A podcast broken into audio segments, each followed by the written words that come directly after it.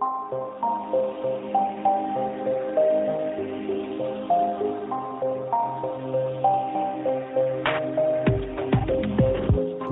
tidspunkt og rigtig hjertelig velkommen til endnu en herlig episode af Noget om Film. Den absolut bedste podcast om film, film og kun film. Jeg sidder her sammen med mine dejlige venner Peter Hallo. og Lars. Halløj. Hej hej. Og i dag skal vi Og anmelde Johannes. den... Jeg hedder Johannes, ja, det er rigtigt, det gør jeg da. tak Peter, tak Peter. Det øhm, og i dag der skal vi anmelde den, øh, den nye Netflix, øh, den nye Netflix krimi komedie, øh, det ved jeg ikke, hvad man skal kalde det, krimikomedie, øh, Glass Onion, øh, som Ryan Johnson har fået lov til at udgive på Netflix. Undskyld, Glass Onion, A Knives Out Mystery. Det er Tak, tak, tak, tak, tak. Øhm, derudover så skal vi selvfølgelig også tale om nogle af alle de herlige trailers, vi har set siden sidst. Øh, eller, undskyld, ja, og det har vi også set siden sidst, men måske har vi også set en enkelt film eller to siden sidst. Måske, måske. Så øh, skal vi bare komme i gang? Lad os det. Det er godt. Peter, du har øh, stået for trailersegmentet i dag, så vil du ikke øh, tage os igennem det? Det kan du tro, jeg vil, Johannes. Øh, Jeg synes selv, jeg har valgt fire fremragende trailers til i dag. Det er jeg faktisk godt, godt, klar over, at du synes, Peter. Øh, men lad os nu tale om dem først. Ikke? Lad os nu tale om dem først. Jo, lad os det. Øh, Den første trailer, vi skal tale om, det er traileren til øh, Nida Mansours film Polite Society, øh, om en ung indisk kvinde, som gerne vil være stuntkvinde. Um, og det er det, filmen handler om, mere eller mindre. Og så sker der en masse ting selvfølgelig, men, men det, det, det, det er nok, hvad, vi kan, hvad jeg lige kan sige om den. Ja. Jamen, det er Jeg tror- meget korrekt, Peter. Øh, jeg, jeg, jeg tror, øh, at det umiddelbart hedder en ung øh, engelsk kvinde af øh, øh, indisk øh, afstamning. Det tror du ret i, Lars. Bare for at være, være på, øh, på, på forkant der. Øh, jeg synes egentlig, den så, øh, så meget øh, underholdende ud. Det virker til at være sådan lidt en, en ungdoms-action spion-agtig film. Øh, og så er det jo bare forfriskende at se øh, se noget, man ikke er vant til. En masse øh, indisk øh, øh, påklædning, øh, smykker og dragte. Øh, og så Ja, den her... Ja, Jeg bliver nok nødt til at sige, at det er øh, britisk-pakistanske øh, personer. britisk-pakistanske. Så Fantastisk. det er en film om en ung britisk-pakistansk kvinde i britisk-pakistansk påklædning. Tak. Det er godt, Johan, tak fordi du uh, står, står vagt uh, om, uh, om vores, uh, vores integritet. Selvfølgelig. Jeg vil indrømme, at selve filmen måske ikke tiltalte mig så meget. Uh, den virkede lidt for, for, for uh, ungsindig og, og, og lidt modig uh, til, hvad, hvad jeg uh, kan lide. Uh, men visuelt så den i hvert fald uh, interessant ud. Ja, jeg, Altså, jeg vil også sige... Nå, nej, undskyld, undskyld. Det var vist også din tur alligevel. Nå, ja, men jeg, jeg ved ikke, jeg synes, det er så... Øh, det var ikke noget for mig, vil jeg starte med at sige. Øh, men det er jo heller ikke noget for mig, kan man sige, målgruppemæssigt. Øh, sådan aldersmæssigt. Men jeg synes også, som sagt, at altså, jeg kan godt lide øh, stilen. Jeg kan godt lide sådan, at, at det ligesom viser... Øh, der er jo sådan lidt øh, Bollywood øh, over det, kan man sige, med dragterne og sådan noget. Det synes jeg var ret fedt. Øhm, og det hele så sådan rimelig tilforladeligt ud, og jeg sad og tænkte sådan undervejs, da jeg så den trailer, ah, det, det er lidt ærgerligt, at jokesene er så dårlige, men, men så så jeg nogle af de andre trailers, og så tænkte jeg egentlig, det var meget godt i Polite Society. Ja, jeg synes faktisk ikke, jokesene virkede dårlige. Jeg tror bare ikke, hvad kan man sige, jeg er publikum for Nej, det. og det var Øh, måske også det, jeg mente, ja. Ja, altså, jeg tror simpelthen også, at denne film er til lidt yngre mennesker, end vi er. Ja. Men øh, det behøver bestemt ikke være, være skidt, for jeg synes egentlig, udover det, synes filmen så meget charmerende ud. Det, altså, stunt øh, koreografi i film er altid super, super fedt at se, og en film sådan lidt om det er som koncept meget sjov. Øh, Ja. Og så synes jeg i det hele taget bare, at øh, know, bare sådan unge kvinder, der tæsker folk, er et cool koncept til en sjov film, øh, som jeg Det er bestemt sådan, øh, øh, godt kunne være interesseret i at se. Det er en ting for dig, Peter, du godt kan lide. Altså som film, ja. Mm, okay. Øh, jamen, jeg synes, altså, egentlig, jeg synes også, det så, det så meget, meget... Øh, jeg ved ikke, om jeg vil sige, det så kompetent ud. Det så også relativt godt ud, faktisk. Kompetent lyder så negativt på en eller anden måde. Øh, men, jeg, men det var bare ikke noget, som jeg var interesseret i. Men altså, igen, øh, fed stil. Øh, meget charmerende egentlig, umiddelbart. Mm-hmm. Så ja, jeg, jeg tænker, den, den er sikkert god for det rigtige publikum. Det tror jeg bestemt også. Mm. Så det var ikke en dårlig trailer. Eller var det? Nej, nej, Du, det- du kunne ikke lide den, vel? Traileren. Øh, jo, jeg kunne meget godt lide Jeg, jeg, jeg, synes faktisk, det var en rimelig okay på trailer. Society trailer. Nej, jeg synes faktisk, det var en okay trailer, den her, det må jeg sige. Okay, det var godt. Det var godt. Det er jeg glad for. Øh, så lad os så videre til den næste øh, traileren til Scream 6, den sjette Scream-film, mm. øh, med to instruktører og øh, to forfattere, udover kan man sige, Kevin Williamson, som den har skrevet den første, vist nok, um, som derfor er credited. Øh, det primære, jeg kan sige om øh, traileren til Scream 6, er, at det er super fedt at se øh, Jenna Ortega. Jeg har selvom jeg på ingen måde er target audience for det, har jeg haft meget lyst til at se den her Wednesday-serie på Netflix. Øh, og Jenna Ortega, primært fordi Jenna Ortega ser super cool ud i den. Du um, elsker Jenna Ortega, du er sådan besat af hende. Har jeg nogensinde nævnt hende før? Mm, ej, det er måske, hvis jeg tænkte, du ville kunne lide hende i uh, X, hvor, som du ikke har set. Jeg har ikke set det. Du, du vil elske hende er, i det, X. er det dig, der er besat af Jenna Ortega i X? Det er muligt. Det er muligt. Altså, hun er cool, og hun virker cool Hun i er Wednesday cool. i hvert fald. Øh, det var den ene ting, jeg havde at sige om Scream 6-traileren. Og så den anden ting, jeg ville sige, var, at der er noget meget øh, deprimerende realistisk ved pludselig at se Ghostface med en shotgun gå rundt og jage det folk. synes jeg også. Øh, det var sådan meget, øh, jeg gætter på, hvis man er amerikaner, så er det måske a little too close for comfort, um, men det er nok også meningen. Øh, jeg synes egentlig, den så rimelig effektiv ud, den her film. Jeg må sige, jeg synes også, det var... Jeg er rimelig bagud på de her Scream-ting, må jeg indrømme. Øh, og jeg har heller ikke den store interesse til sådan at finde ud af mere. Og jeg synes også, da traileren startede, så var jeg ikke interesseret i det. Men jeg vil også sige, øh, som den ligesom skred frem, så synes jeg, det begyndte at se sådan okay ud. Altså, der er jo noget... Jeg kan godt lide det her i Scream-serien med, at der er nogen, der har noget på nogle andre. Det er jo sådan en, en generel ting, jeg godt kan lide. Og, mm, øhm, mhm. og det er jo lidt det, det handler om. Ikke? Altså, der er en eller anden, der er Ghostface, som så, så er det lidt et twist, når det bliver afsløret, hvem Ghostface så er. Mm-hmm. Det går ud fra, at det stadigvæk er sådan i hvert fald. Øhm, åh, det ved jeg ikke, altså, så den så faktisk ok. Jeg synes, den blev bedre og bedre, som traileren skrev frem, så jeg kunne da måske godt være lidt interesseret i på et tidspunkt at lave et Scream Marathon. Ja, det kunne være sjovt. Det tror jeg også, vi har talt om at gøre før. Ja, det har vi. Men bare aldrig fået gjort. Ja, ja det Jeg har tror, jeg set til og med Scream 4, faktisk, hvis jeg skal være ærlig. Så. Ah, så har du set rimelig mange Scream-film. Ja, det har jeg nok. vi, det har vi tidligere snakket om, og jeg kan også øh, klart sige, at den absolut eneste måde, at jeg kommer til at se Scream 6 på, det er, hvis jeg har set de fem andre Scream. Har du ikke set den eneste Scream-film? Jo, jo, jeg, jeg, jeg, jeg, tror, jeg, jeg tror, jeg har set Scream 1, 2 og 3. Okay, super. Øh, så, så jeg tror, jeg stod af sådan på den fornuftige, sådan, så havde jeg givet den de chancer, det skulle have. Mm. Øhm, Men Lars, ja. Problem er jo, at du er nødt til at vente til Scream-serien endegyldigt er slut, før du kan se den. det er nemlig rigtigt. Øh, og jeg tænker, at det her det bliver sådan en, en syv, syv-parter. Så, Du i hvert fald ikke så se Scream- nogen Phase 4 Scream-film. Nej. øhm, jeg synes, at det så åndssvagt ud med Ghostface, der gik rundt med en shotgun. Øh, og ja, det, øh, det er måske bare sådan, det er i Amerika, alting er åndssvagt og bevæbnet. Øh, men jeg synes, den her film havde en meget, øh, har, øh, hvad hedder det, øh, skizofren vibe.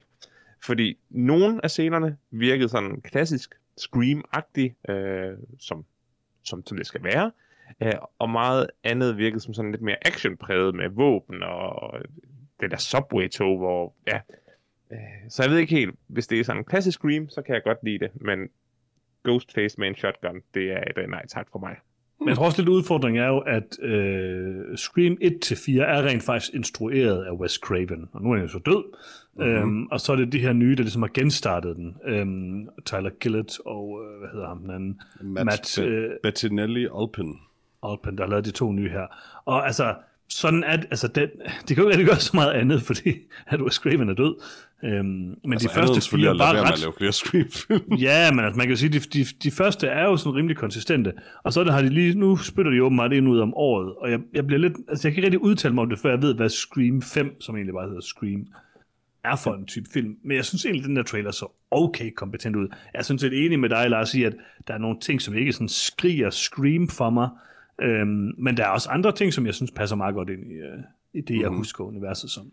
Jeg vil sige, jeg synes egentlig, den, den ram, lander sådan viben så godt, som jeg tror, en Scream-film i 2023 kan. Altså, det, de film var sådan lidt af en tid øh, på en eller anden måde, at de er fremragende, øh, Wes Cravens Scream-film. Um, men, men ja, jeg ved ikke, om man kan lave sådan en film i, helt sådan igen. Um, sådan så meta men det gør den her jo så alligevel lidt. Uh, I don't know, jeg, jeg, jeg, jeg tror egentlig, jeg, jeg føler mig ret klar til at se en ny Scream-film af en eller anden grund. Ja, jeg er også overraskende klar på det, det vil jeg også sige. Mm-hmm. Lars, apropos ingenting, nu har de lavet den der joke med, mm. At du ikke må se nogen fase, fase 4 Scream-film. Må du, må du godt se fase 5 Marvel-film? Eller var det fase 4 og frem? Eller var det kun fase 4, du ikke måtte se? Jamen, jeg, jeg er selv så forvirret over reglen, at jeg tror, at nu må jeg bare ikke se nogen Marvel-film. Ej, jeg tror, det må hedde, at du, må, du må godt se fase 5 og frem, så du kan se Ant-Man and the Wasp Quantumania. Okay. Tak, Peter. Og det skal du gøre, det skal du gøre. Sikke, sikke en gave. Den, den så faktisk okay ud, vi så trailer til den sidste gang. Åh, oh, nej. Øh, så, jeg må, så, så jeg må gerne se den første Ant-Man, fordi det er fase 3. Men jeg må ikke se den anden Ant-Man, fordi det er fase 4. Mm-hmm. Men jeg må gerne se den tredje, fordi det er fase 5. Præcis, præcis. Fedt. Så det, Jeg er altså også det snart... Øh, Lars, jeg, altså, jeg, jeg kommer jo snart op til fase 4 i mit Marvel Marathon, så øh, altså, der, der skal du overveje at hoppe på toget igen, tænker jeg. Okay. Øh, du kunne også overveje at hoppe på toget og bare stoppe der. Og sige, sige Nogen Lars mene, ret. nogen er vil nok mene at jeg er stoppet ved fase 1, jo. Det vil Peter nok umiddelbart mene, men altså, Ja. ja. jeg tænker, at jeg stadigvæk er godt i gang. Apropos bare for at vende tilbage til Scream, for nu kan man lige tænke om noget, jeg tænkte på, mens jeg så ja. traileren. Mhm. at, altså, jeg ved godt, der er det der med, "Nå, hvem er det, der er Ghostface i den film? Var det Mark Hamill? For det lød som Mark Hamill i telefonen. Mm. Det lød rigtig der- meget som Mark Der Hamill er i en, der spiller... Der er en, der, der er credited som stemmen, altså Ghostface-stemmen, ja. og det er ikke Mark Hamill. Nej, der, Det- med den er ene telefonsamtale lød bare rigtig meget ja. Som Mark Hamill. Der var andre den... Telefonsamtaler, der havde en tydeligt anden stemme, og så pludselig lød det, som om det var Mark Hamill. Der er jo en bestemt person, der har voiced Ghostface i alle film. I know, og det var derfor, det stak så meget ud for mig, at der, det er ens uh, telefonsamtale, ikke uh, den, hvor det er Courtney Cox, der snakker i telefonen med ham, hvor det ikke lød som, som uh, Ghostface-stemme, men i stedet lød som Mark Hamill, og jeg forstod det ikke rigtigt. Du er besat af Mark Hamill, Peter. Altså, ja, og så. ja, det er rigtigt. Nå. Men øh, hvem ved, det finder vi ud af. Det kan være, det er twistet, at det er Mark Hamill. jeg tror, det er Mark Hamill. Og det er ikke sådan, du ved, en karakter, Mark Hamill spiller, det er Mark Hamill. Det er meget kamera, ja. Det ville være meget Scream-agtigt. Ja. Det vil være lidt scream det er rigtigt. Jeg ved ikke helt, hvad Scream er mere. Det er så lang tid, siden, jeg har set en Scream-film. Film, en slasherfilm om slasherfilm. Mm. Altså, for Det en af dem det. vedkommende Ja, meget for- ja, direkte en slash... Nå, men det er de jo lidt alle sammen. Altså, de kører jo så ufatteligt tungt på troberne, sådan lidt med vilje. Det er meget sjovt. Altså, den, den, den, den første er jo, ja, den her meta-slasher-film, men de efterfølgende er jo mere meta, metafilm, fordi de foregår i universet, hvor at de Yeah! taler om sig selv og gentager Yeah. sig. Altså, det, det er sådan et ekokammer af... Det er derfor, det er så fedt. Første Oh, vi skal så meget lave det special. Jamen, jeg vil gerne, jeg vil gerne lave det special, og det er også 100 Nice. år siden, jeg har set den første Scream-film, og den så jeg fandme meget øh, Det er tilbage faktisk in længe the siden, day. jeg har set den. Det bliver godt. Så indtil os. nu, to udmærkede trailers indtil nu. Ja, Er det ikke en af de okay? Nå, Vi- jeg vi synes, det var en fanes- okay trailer. Vi er, fan, vi er fan af Scream på trods af traileren, Peter. Ja, jeg synes, det var en Ikke meget på- fin trailer. Ikke, ikke på grund af traileren. Jeg synes, det var meget. Jenna Ortega var med i den, og han fortalte om, hvordan jeg besat af Jenna Ortega. Du er besat. Åbenbart. Tænker, det er. Åbenbart, ja. øh, men så lad os så videre til den tredje trailer i dag. En trailer til en film, vi allerede har talt om, Lars, men i hvad der må have været en teaser, for det, her, det er den officielle trailer number one til mm. nemlig filmen Dungeons and Dragons Honor Among Thieves. Oh, jeg glæder mig til den officielle trailer for den. Jeg har virkelig glædet mig til den Ja. officielle trailer, Peter. Og øh, Lars, i en tid, hvor øh, alle hader Wizards of the Coast og Dungeons and Mm. Dragons med god grund, eller specifikt alle hader de? Wizards of the Coast, ja, øh, Wizards of the Coast har virkelig shit the bed. Um, Uh. Og det er rimelig tragisk for en hobby, som Lars og jeg øh, begge to elsker. Um, men øh, mig, så, jeg, jeg elsker den ikke. det er nok et meget godt tidspunkt for dem at udgive en trailer til Honor Among Thieves og prøve at få noget goodwill. Og jeg må indrømme, jeg synes stadig, at den her Dungeons Dragons film ser, ligner et sjovt romp. Øh, det ligner godt nok også en film, der især i den her trailer, der i aggressiv grad prøver at krydse alting fra Dungeons Dragons af. Øh, og vise sådan, prøv at se, der er også en mimic, og prøv at se, der er også øh, den, ene- den, den, den, en face beast, og en Displacer øh, Beast. Owl, ja, Displacer Beast, ja, en owlbear, alt sådan noget shit og sådan. Men øh, altså Hugh Grant, som hvad der ligner en warlock, hvis vel er en warlock, øh, kan noget, synes jeg. Mm. Kan Mhm. et eller andet. Oh, altså Hugh Grant kan altid noget. En hver Mhm. mm-hmm. film bliver forbedret af at have Hugh Grant med. Det er der ikke nogen øh, tvivl om. Nej, øh, jamen det er rigtigt. Øh, det er en film, der stadigvæk virker til at være et fjollet øh, romp øh, igennem et Dungeons and Dragons univers, øh, som øh, jeg tænker, hvis man ikke, hvis man ikke har nogen kærlighed for Dungeons and Dragons, så, så, så er den her film nok meningsløs at se. Jeg glæder mig også rigtig hvis- meget nemlig til at høre, hvad han synes om den trailer, apropos Ja. ingenting. Men hvis, hvis, man, hvis man kan lide universet, øh, eller multiverset, så, øh, så, så virker denne her sjov. Øh, og jeg vil også sige, jeg, det slog mig lidt, at denne her film, øh, den name-droppede, at det var fra Hasbro, men ikke, at det var fra Wizards of the Coast. øh, og jeg synes, altså, jeg ved ikke om Dungeons and Dragon, om det er fordi, at altså, Hasbro, det er jo ikke det mest uh, cool kids øh, øh, legetøjmærke. Øh, Så jeg ved ikke, om, øh, om Wizards of the Coast aktivt har sagt, at vi må hellere lade være med at, at stikke vores nakke ud. Bare, bare, bare fjern vores navn, og så bare ja. Sige, det er Hasbro. Det kan være, at folk glemmer, det os, der laver Dungeons and Dragons, Ja. hvis vi holder op med at sige vores navn. Det, jeg tror bare Altså- gerne, de vil have lidt fri. Er det der med øh, licenser og sådan noget? Ja. Ja. Det, altså, det det, kan det er super Ja. fucked up, hvad, hvad de har gjort med det. Sådan, det, Ja, det, det er en det er lang historie at forklare detaljerne i, men det er rimelig ulækkert. Det er sikkert fucked up. Hvem ved, jeg synes, den her trailer... Øh, altså, den her trailer øh, gør den ting, jeg hader mest i trailer. Og hvad er det? Viser, hvad hele filmen handler om. Chris Det er Pine er jeg med. ligeglad med. Viser Jeg Chris Pine.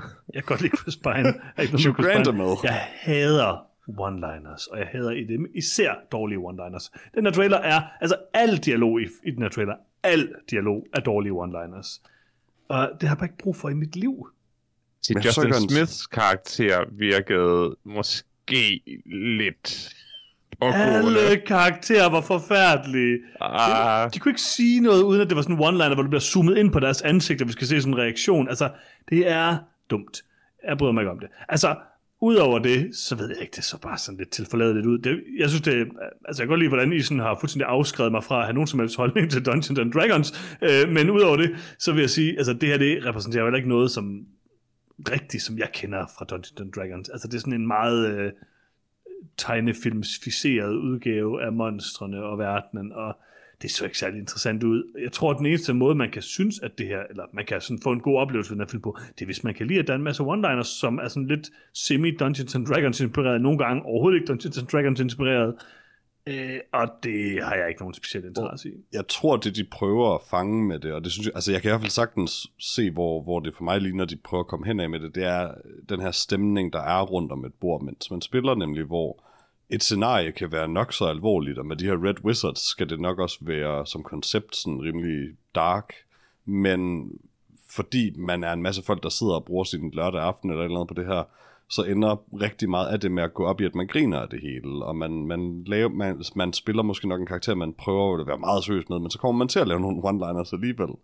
Fordi det er bare meget hyggeligt. Jeg forestiller mig, det er det, de går efter, og jeg synes egentlig ikke, det er en dum idé heller ikke. Uh, nej, jeg ved ikke, om det er en dum idé. Jeg synes slet ikke, jeg fik den vibe af det. Eller jo, må- måske lidt, men jeg synes, der er mange ting, der har lavet den øh, ting bedre, hvor der er måske nogle meta-elementer, hvis det er det, du tænker på. Altså, for eksempel sådan Nej, noget ikke, meta-elementer, bare stemningen, der med, at en, en alvorlig scene pludselig bliver en quote-unquote sjov scene, fordi nogen kommer til at sige noget, der lyder sjovt eller sådan noget. Altså.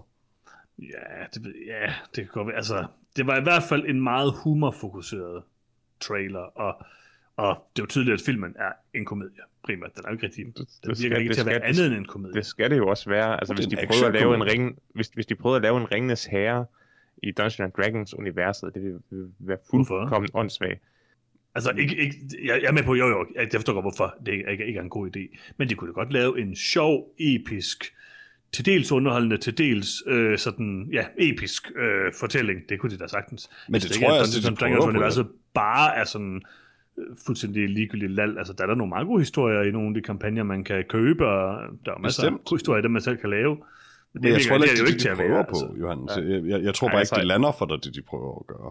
Nå, nej, nej, men jeg, jeg, jeg, jeg siger bare, at man kan jeg, gøre tror, vi snakker, andre ting. Jeg tror, vi snakker forbi hinanden i hvert fald nu. Jeg ved ikke, for mig at se, så har jeg ingen interesse i at se en Dungeons and Dragons film, der er ren lal, og det var det, jeg fik ud af den her trailer. Okay, det må du gerne. Nej, jeg vil gerne skændes om det. Know, jeg synes, øh, jeg synes, den ser meget sjov ud. Og den ser ganske... Well, jeg ved ikke, om jeg vil sige, den så flot ud. Den ser action-packed ud og meget farverig også. Um, og det, det er nok til mig. Altså, jeg vil da være helt ærlig, jeg, jeg ser da den her film delvist, eller vil se den her film delvist, fordi den, det er en Dungeons Dragons film, 100%. Um, men jeg synes også, at castet, særligt med Chris Pine, altid elskelig Chris Pine, og Michelle Rodriguez øh, virker ganske kompetent egentlig. Så jeg, jeg er stadig on board. Ja. Den, den, håber, den, der- den jeg får jeg håber, lov til at have for hvor- selv. Det er fint. Jeg håber, der er en scene, hvor Harry Styles pludselig dukker op og spytter på Chris Pine. Det kunne være, altså så vil jeg måske være on board. Ja, ikke? Det ville du være får meget sådan nogle rigtige sådan topical ting. Det Præcis. for Hollywood, det kan jeg jo godt lide. Præcis, og det er bare øh, Harry Styles, som han så ud den aften, der bare kommer gående ind i en scene og spiller på ham. Det være meget godt. Ja. Eller en anden lydoptagelse, hvor instruktøren øh, skal fortælle et eller andet til Shia LaBeouf eller sådan noget. Mm, ja, det går så meget godt. Mm. Men øhm, jeg ved ikke, hvad tror I, sans- hvor sandsynligt tror I det er, at der er en rammefortælling i den her film med, altså at karaktererne sådan sidder som deres real life karakterer rundt om et bord. en gang 0 imellem? procent. Det tror jeg også. Ja, det tror jeg også. Men jeg kan godt være lidt nervøs for, at de ikke kan lade være med at gøre det i sådan en enkelt scene eller sådan til sidst. Jeg håber det. Så, så, hvi- hvis de endelig vil skide sengen, så, så ja, så kan de lave det i en enkelt scene til sidst, hvor de så siger, og i virkeligheden sad folk bare og forestillede sig det her. Mm-hmm. Men hvis de, hvis de klipper frem og tilbage på noget tidspunkt i løbet af filmen, så slukker jeg filmen, så gider jeg ikke se den. nice. Der er jo meget specifikke regler for den her film. Ah, men jeg, jeg, jeg, jeg tror, jeg er lidt i samme båd. Ej, der, det- det- sådan, der står jeg også af, så. Ja. Det bliver for meget øh, lal, som du også siger nemlig, med Johannes. Men øh, det, der, det, der, der tror jeg, jeg trækker grænsen. Filmen skal tage sig selv seriøst. Den må gerne være sjov, den må gerne være dumme one-liners, men den skal tage sig selv seriøst, fordi når man spiller rollespil, selvom man, selvom det er sjovt, og selvom man siger alle de her åndssvage ting, og det er noget fjol det meste af det, så tager man spillet seriøst. Hvis man ikke tager det seriøst, så, ja, så Så er bliver man det ude. Så er man, så er man ude. Så er man ude. Mm. Har I hørt om ham der fyren, der har sådan haft et D&D-spil kørende i 42 år? Og Ja, ja, det er flyver meget ind for at være med. Det er mega fedt. Man står på venteliste for at få lov. Men har I set hans, hans battle map i kælderen? Det er så vildt. Det er så Det er vildt. vanvittigt, hvad han har. Yeah. Jeg tror, Vice lavede sådan en lille dokumentar om ham en gang. Ja, det gjorde det nemlig. Det, det, den er, altså, man kan, jeg ved ikke, jeg kan ikke huske, hvad den hedder, men den er til at finde på YouTube, og den er, mm. den er faktisk værd at se. Fordi man går sådan igennem, jeg gik i hvert fald igennem stadier af sådan, mens jeg ser den bare sådan, er sådan, åh gud, hvad, den her mand har bare ikke noget liv ud over det her. Og så lige næste skud, så bare sådan, okay, det er faktisk ret sejt, det der liv. sådan frem og Altså, tilbage her, mellem. Fedt! Den her mand har ikke noget liv ud over det. Ja, præcis, Ja, ja, ja. ja. fordi hans liv med det her er tydeligvis ret komplet. Jeg, jeg, jeg, el, jeg elsker øh, øh, den, den scene, der er, hvor, han, øh, hvor hans øh, datter øh, spørger, Mm. om øh, hendes kæreste må være med. ja. Mhm. Og hvor han er sætter hende ned og siger, jamen det må han gerne, men du skal lige forstå én ting. Reglen er, når man er blevet optaget i mit spil, så må man spille det resten af sit liv. Så uanset om I går fra hinanden, så kommer din kæreste, ekskæreste til at være med i min rollespilsgruppe resten af hans liv. Mm-hmm. Er du okay med det? og som forudset, så gik de fra hinanden, og han spiller stadig rollespil med hendes ekskæreste. Yep. Yep. Det er det eneste rigtige at gøre, altså.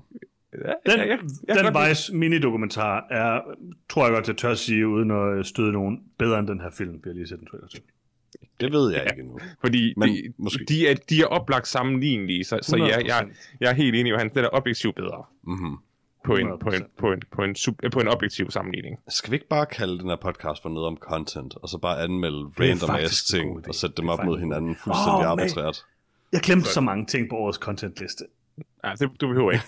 det, vi må lave en kategori næste år, som ting, vi glemte at sige sidste år fra vores content. Det er faktisk rigtigt. Det er faktisk, ja, jeg er sådan pendant til vores øh, de Ja, bedste ting, vi bedste så i film, år. vi Ja, ja, ja. set, ja. Ja, Fedt. Øh, Peter, jeg kan godt lide, at du lige har genop, at du lige selv har fundet på, eller genopfundet reaction-videoen. Ja. Bare se ting og reagere på det. Ja, men det er, det er ikke en video, Lars. Det er kun... Nej, det, det, det, det, det, det er en lydpodcast. det er selvfølgelig rigtigt. Det er der, det bliver rigtig genialt. Præcis. Vi, vi skærer bare mere og mere af, af det her koncept, indtil der kun er det bedste kød tilbage. Ja. Og apropos det bedste kød, Peter. Hvad ja. er den næste trailer? Den næste trailer er en trailer til filmen uh, You People um, med Jonah Hill og Eddie Murphy i hovedrollerne. Og jeg har lige set den her trailer, men ret, at, var der andet i trailerne, de sad i bilen? For jeg kan ikke huske andet. Det var der ikke. Okay, Det var super, fint, så, det så husker jeg rigtigt. Så ja, indtil videre ved jeg, at uh, You People er en film, hvor Jonah Hill og Eddie Murphy sidder i en bil sammen. Og jeg elskede det. Det var en trailer for mig, det her. Det gjorde jeg faktisk ikke. Jeg kan godt lide det. Jeg synes, den, den, her, den, her, den var sjov. Og jeg kan godt lide Jonah Hill, og Eddie Murphy var med. Og, altså, jeg er on board. Det så Jeg kunne godt rigtig godt lide Eddie Murphys del af udvekslingen. Jeg var mere on the fence med Jonah Hills del af det. Jeg kan godt lide det. Jeg kan godt lide det. Jeg synes, det Ja. ja. holder. Jeg, jeg, jeg, synes- jeg synes, det, begge, det, det hele virkede lidt anstrengt i den scene. Men når man kigger på, på, på billeder fra filmen, så kan man så se, at, at der er altså også en hel film, hvor de Ja, er ja, andre ja. steder end i, i, i en bil. Uh, så det er ikke sikkert, at den her trailer er alt for, for, for, for øh, øh, toneangivende. Mm. Altså personligt har jeg jo lidt håbet på, at det var sådan lidt en uh, ny lock, hvor at, uh, ja, det bare det- var Jonah Hill og Eddie Murphy, der sad en bil. Det, det, det er jeg klar over, men, men det var det. Cement. Jeg vil dog sige, at jeg kan godt lide, at Jonah Hill har taget lidt på igen. Det, det kan jeg godt lide. Jeg synes, han ser så godt ud med lidt, med lidt, lidt, lidt flæsk på kinderne. Altså, jeg kan godt lide hans hår. Jeg synes, hans hår. Ja, det, det, hele hans look er, altså det, det er skide det er godt i den her film. ja Der var lige øh, en, en periode, hvor, hvor jeg synes, han... Ja, det var jeg ikke, det var, det var jeg ikke glad for. Han var for tynd til dig. Ja, det, det, det- not my Jonah Hill, som, uh, som hashtagget var. You like him chunky, som du altid siger. Chunky, Chunky Hill. oh, nej. Jeg kan Øh, godt lide Jonah Hill. Og jeg det synes, kan jeg også. Jeg jeg, også jeg, jeg synes, at han var sjov. Jeg synes, det var... Øh, jeg synes, det fungerede meget godt. Jeg synes, jeg synes, det begge to fungerede ret godt.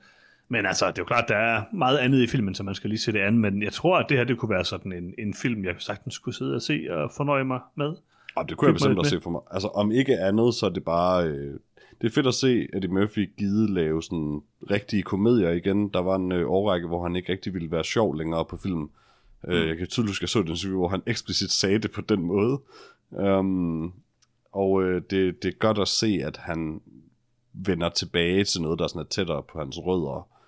Um, fordi han er en super stærk komiker. Uh, så kan man diskutere noget af hans øh, gamle materiale, set med moderne briller, men, uh, men han er en super sjov mand. Uh, så, så jeg, alene det er nok til, at jeg er interesseret i at se den her. Mm-hmm. Jeg er on board, det må jeg bare sige. Den ser sjov ud, den ser god ud. Jeg kan godt lide det.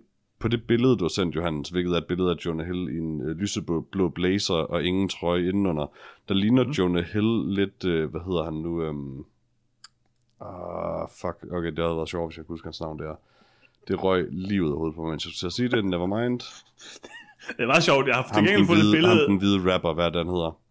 Post Malone, han er Post Malones kristne bror på det billede, hvad det vil sige. Never mind, det klipper helt ud okay. podcasten. På det her billede, der ligner Jonah Hill 100% øh, Don Ø. Øh, en periode, han var direktør i parken. Det gør han godt nok, ja. Og det look kan godt lide. Han ligner i det hele taget bare sådan en københavner på det billede. Ja, det gør han lidt. Det gør han lidt. Han ligner, han er ansat på DR på de to billeder der. Ja, det gør han lidt. Jeg ved, ja, jo, på det første billede øh, foran kameraet, på det andet billede bag ja. kameraet. Ja, det er lige præcis. Lige præcis. Det er rigtigt. Nå, det er også fedt, det kan man køre i podcasten.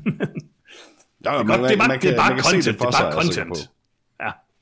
Forestil dig Don Ø og en eller anden radiovært fra øh, P3 eller sådan noget. Ja, og forestil dig, at min uh, Post Malone joke virkede, fordi jeg kunne huske Post Malones navn. Det Den, en var, den havde været guld værd, hvis den havde virket. Og så prøv at forestille dig et scenarie, hvor du sidder i den her chat og kigger, og det billede, der er lige ovenover, er et billede af Joel Butler. Nej, det gider man ikke. Det gider man ikke forestille sig. Det er der ikke, det er der okay. ikke noget sjovt at finde i. Uh, skal vi ikke uh, finde vores pick of the week? Er det Jo. der, vi er? Ja, Mit pick of the week er You People, helt klart. Alright, alright. Lars? Åh, jeg ved det ikke. Jeg har faktisk ikke særlig meget interesse i nogen af filmene. Skal Øh, en. Jeg ved, jeg kommer til at se Dungeons and Dragons, så, øh, så, så det, det bliver... Jeg kan godt, jeg, ja, det bliver et pick. Okay, super. for Jeg skulle lige sige, at jeg gør det nemmere for dig, Lars, for mit pick of the week er Dungeons and Dragons. Ja, og, og det er ikke, fordi jeg tror, det bliver den bedste film af de her fire. Det tør jeg slet ikke øh, udtale mig om. Men øh, jeg ved, jeg kommer til at se den her film. Altså, det var kun You People, det var kun You People, der, øh, der reelt set interesserede mig øh, af de andre film. Øh, og der var traileren simpelthen lige en lille smule for... Øh, Der var skåret for Obskur. meget kød fra. Ja, det var ikke, der var ikke kød nok på den trailer. Nej, præcis. Der var kun benet tilbage. Ja, Ja, jamen så kom vi igennem et... øh, en film. Ja, vi kom Ja. igennem et fremragende trailersegment, synes jeg selv. Rigtig, rigtig godt, simpelthen. Du har gjort det godt. Tak, tak Jørgens, tak Jørgens. Så lad os komme Det videre til vores anmeldelse. Ja, det betyder, det betyder rigtig meget for mig. Det betyder alt for mig. Altså, Fedt. Ah, det er godt. Okay, det er voldsomt. Øhm, jamen lad os anmelde en film. Vi skal anmelde uh, Glass Onion og Knives Out Mystery. Og Peter, øh, hvem har lavet den her film, og hvem er med i den? Jamen, den er skrevet og instrueret af Ryan Johnson, og øh, med i den har vi øh, mange. Vi har Daniel Craig, vi har Edward Norton, Kate Hudson, Dave Bautista, Janelle Monáe, Catherine Hahn, Leslie Odom Jr., øh, hvilket er dejligt at se, fra Hamilton, um, Jesse Hanwick, Madeline Klein, og Noah Sagan, og så behøver man vel ikke nævne flere. What the fuck var Ethan Hawke med i den her film? Åh, oh, ja. ja, Det er- det det er var jeg det glemt. Vigtigste rolle. Det har jeg glemt. You're, you're good. Der var en sprøjter øh, vaccine, eller... Nå ja, det er rigtigt. Det havde, jeg- det havde jeg allerede glemt. Det er en uge siden, jeg har set den her film, skal lige sige. Så øh, sådan cirka. Så, Og der må jeg altså også bare sige, Peter, du er så besat af Hamilton. Vi taler ikke om andet end den her dumme øh, Hamilton, musical-ting. okay, altså mange af de ting, du har sagt, jeg er besat af, kan jeg ikke forstå. Hamilton, ja, er jeg besat af. Jeg er elsker af- Hamilton. Ja, det er du. Det er du virkelig. Jeg kan den uden ad. Mere Jeg ved ikke helt, hvad det er, må jeg indrømme. Men, øh, Det er en musical, det ved du godt. jeg ved, det er en musical. Så meget ved jeg. Ja, om Hamilton. Mm.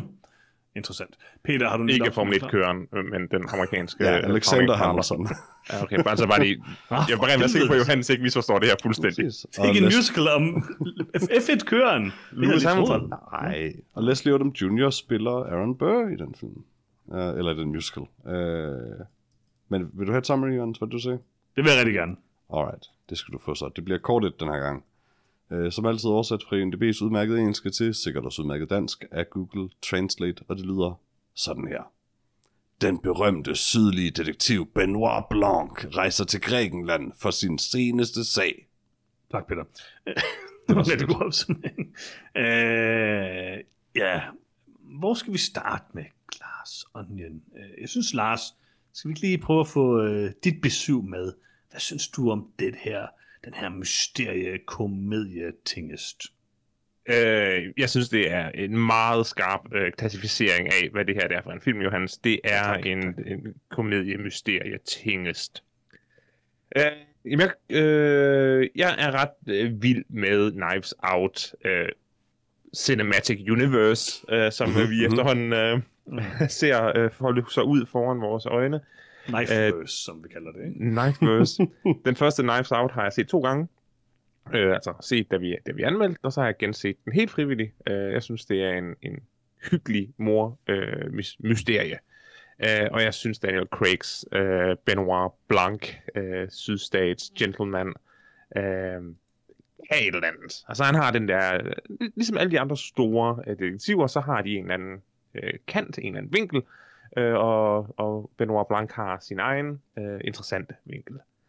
Øh, denne her film er hyggelig, underholdende og klart øh, en, en se værd, hvis man skal, hvis man skal hygge sig lidt. Jeg vil dog sige, at substansen i filmen er øh, lidt, lidt lettere, end jeg måske havde håbet. Øh, således at selve det mysterie, der bliver øh, afdækket, øh, er lidt- lidt tyndbenet, tror jeg, jeg vil kalde det, uden at, at, at gå i detaljer. Øh, men altså, det er bare sjovt. Den, den har det, den skal have. Den har et galeri af, af karakterer, der alle sammen har nogle øh, øh, forfærdelige øh, øh karaktertræk, og en eller anden charme, der gør det sjovt at se på dem. Øh, Bautistas øh, kvindehadende øh, mandeforkæmper og øh, øh, Kate Hudsons øh, øh, politisk ukorrekte øh, popstjerne eller model, eller hvad hun er. Altså, det, det er bare herlige karakterer. Og man er, man er godt underholdt, indtil man tænker tilbage på filmen og tænker, nå, var, var det Hvad, bare var, det? hvad var det lige, jeg så? Ja, var, var, var det bare det? Men jeg bliver lige nødt til at spørge dig om én ting med den her film, ikke? Ja. Hvad synes du om uh, Jared Leto-content i den her film? Det havde jeg jo teaset for dig. Ja, Øh, du, Jared- du... Undskyld, hvad siger du også? Altså, at, uh, at Ja- Jared Leto's uh, Hard Kombucha Ja, Øh, øh, og, og Jeremy Renners uh, Hot Sauce, Peter nægtede jo næsten at se den her film, fordi jeg det sagde, var at der fordi var rigtig Johannes fik meget det til at Jared lyde som om, at. Jared Leto var med i filmen. Og så blev jeg, og jeg var meget interesseret i at se den her film, indtil Johannes sagde det, og så blev jeg helt vildt trist. Um, jeg vil sige, oven Det- på det, der synes jeg, at uh, Jared Leto-tingen i den her film var, altså det var, det var en udmærket joke. Jeg synes faktisk, Jeremy Renner-joken var bedre. Um, Mm. For at svare på det- de spørgsmål. Mm. Ja, jeg, jeg, jeg synes faktisk, det, det, det er der film, hvor filmen måske bliver allerbedst, øh, fordi den har de her spydige kommentarer til, hvorfor at øh, berømte folk øh, er så åndssvage. Øh, og så gør den her film jo faktisk noget, som er tilnærmelsesvis genialt. Altså med en produktionstid, som, som sådan en film har haft fra, den har øh, manuskriptet har lagt færdigt, til den er, til den er færdig skudt og, og udgivet. Øh, det gør altså, at instruktøren, øh, som også har skrevet øh, øh, filmen, har altså pinpointet Elon Musks øh, afsløring som falderede øh, tosse Ja, øh, på et meget tidligt tidspunkt. Fordi når man har set den her film og set den til ende, øh, så er der nogle rigtig, rigtig tydelige øh, øh, paralleller til Elon Musk. Jeg vil også sige, det var... Altså, Elon Musk har jo alle dage været en gigantisk klovn. Ja, men det er blev først klart, det meget kommer mere frem i rampelyset nu. Ja, ja, det er selvfølgelig rigtigt. præcis. Og det, og, og, det er fint, Johannes. Jeg, jeg, jeg hørte bare ikke ret mange folk Nej, stå det er også og råbe, at Elon Musk var en kæmpe klovn, dengang Nej, alle de- folk de råbte, hold kæft, han er et geni. Ja, Det præcis. undrede mig også virkelig meget, dengang jeg stod og råbte hele tiden, at Elon Musk var en kæmpe idiot, fordi det er han. Men øhm, ja, ja, det var, jeg synes også, det er godt, at det kommer ud nu. Det er rigtig godt. Øh, igen var jeg jo bare lidt foran tidsånden, kan man sige. Jamen, det, det er jo, godt, det er jo godt, fløje i livet, ikke? Vi, vi, er, vi, er, Øhm, vi er stolte af dig. Ja, det er godt at høre. Øh, jeg vil sige, jeg synes både filmen topper og øh, flopper ved øh, Dave Bautistas karakter, øh, som jeg synes er en rigtig fin kombination af noget, der er oprigtigt er meget topical, altså sådan Andrew Tate kombineret med Joe Rogan. Øh, det synes jeg sådan set er en meget god øh, kombination, men, men det illustrerer bare også sådan det store problem ved Glass Onion, som er, at det her det er sådan den mest on-the-nose film, jeg kan mindes at se i de umindelige tider. Altså, det er så altså, det er så topical, at det er helt vildt, at det nærmest gør ondt.